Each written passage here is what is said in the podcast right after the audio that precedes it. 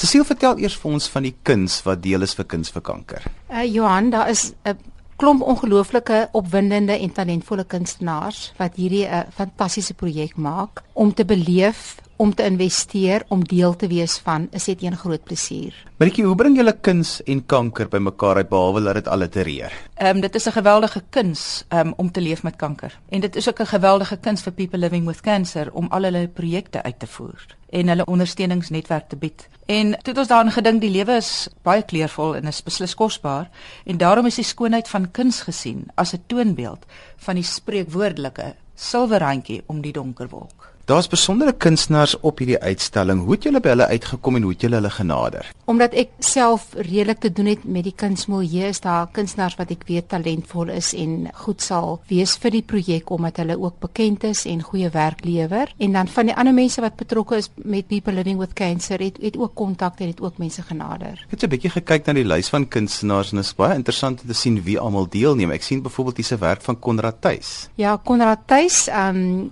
is besig om 'n werk voor te berei spesifiek vir hierdie okasie. Niemand het dit nog gesien nie. Dit is 'n groot verrassing en um, hy doen dit spesiaal net vir hierdie okasie. Claire Menk het hier 'n ongelooflike mooi werk wat veral herinner aan die werke wat 'n mens nog met kuns in die Franse tyd sal assosieer. Dis 'n um, 'n jong meisie wat sit basies teen 'n muur en mediteer. Dan is daar um, Cathy Lazel. Sy's ook 'n 'n jong kunstenares opkomend wat fantastiese werk lewer. Sy was inwonende kunstenaar kunstenaar in Frankryk, naby Toulouse. Sy het Bonnard en Matisse se werk gebestudeer en sy was geïnspireer deur die kleur, so sy noem haarself 'n colorist. Haar werk baie interessant. Louis Jansen van Vuren wat ook betrokke is. Ons is verheug dat hy deel is. Hy's 'n fantastiese kunstenaar.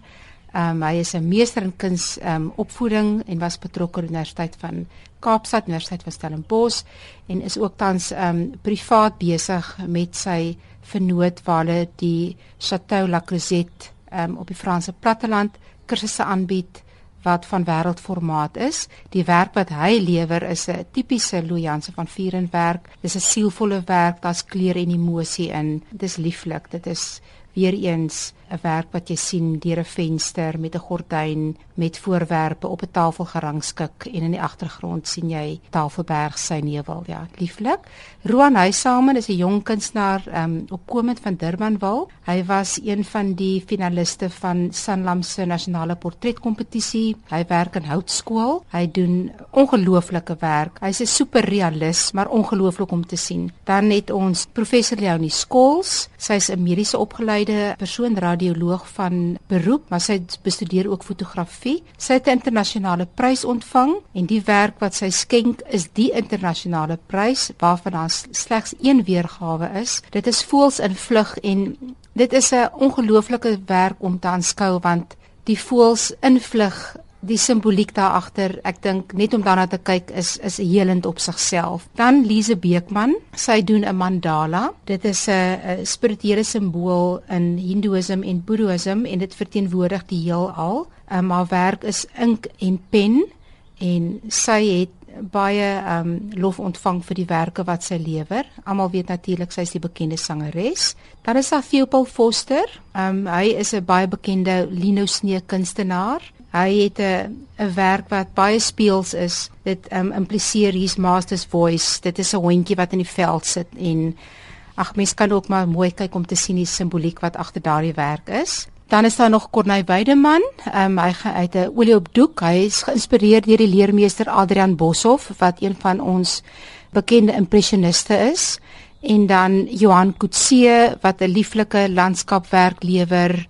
Um, hy is 'n kunstenaar van Belwel en ehm um, sy werk is is ongelooflik. Dis baie realisties, maar al hierdie kunstenaars is kunstenaars in eie reg en absoluut die werk um, is goed om te investeer. Maritjie, vertel vir ons hoe kan mense die werke besigtig want ek weet van die werke is aanlyn beskikbaar, maar mense kan dit ook by die Oude Libertas Galery op Stellenbosch sien by die 1 November. Die werke gaan soos ons nou gesels beskikbaar wees um, op die aanlyn webtuiste van People Living with Cancer en jy sal net al daai kontakbesonderhede gee waarop jy kan ingaan en jy kan net langs jou werk ingaan op die boksie. Alles is daar baie mooi duidelik uiteengesit van die stappe wat jy moet volg en dan sit jy jou aanbod teen die werk van jou keuse. Maar ek vertel vir ons van die werk van People Living with Cancer. Ehm um, Johan, ehm um, kuns vir kanker is maar een van die vele projekte wat klop aan die deure van People Living with Cancer, wat 'n sambreelorganisasie is en wat ek noem 'n ware empatie-engel in die hele stryd teen kanker. Hulle is ehm, 'n um, organisasie wat bestaan hoofsaaklik uit liefdadigheidswerkers soos ons almal en nie eens 'n handjie vol permanente staf nie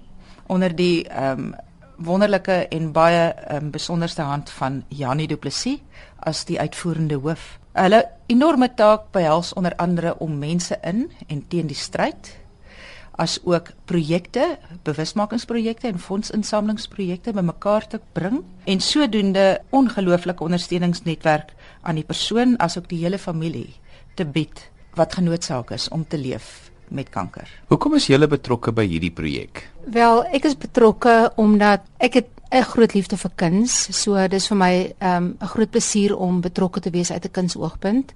Maar natuurlik, um, ek weet wat kanker aan mense doen. My ma het gesterf van kanker. Ek ken baie mense wat kanker het en en oorlewendes is en ek is ten volle ten gunste van die bewusmaking van kanker in ons samelewing. Maritjie, hoekom is jy betrokke? Dis 'n mond vol. Ek self is 'n kankeroorleweraar wat op 'n jeugdige ouderdom van 45 'n um, borskanker gekry het.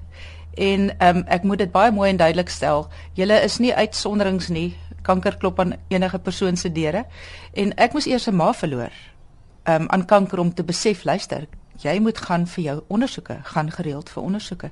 En dit is daadwerklik wat ek gedoen het. En die dokter het vir my gesê hierdie skalkse ou knoppie is regtig waar. Kom oor 'n jaar terug. Dan kyk ons daarna En ek het net aangedring en gesê luister, julle moet die verwyding doen asseblief. Ek dink daarop aan en dit was toe borskanker. So ek sê gaan vir 'n tweede opinie en moenie met knoppe loop nie. Dit kan niks aan jou doen nie. Dit is net 'n ou klein streepie um, aan jou liggaam of aan jou bors en wees bedag daarop. Al is jy hoe jonk, moenie dink jy moet eers 40 wees nie.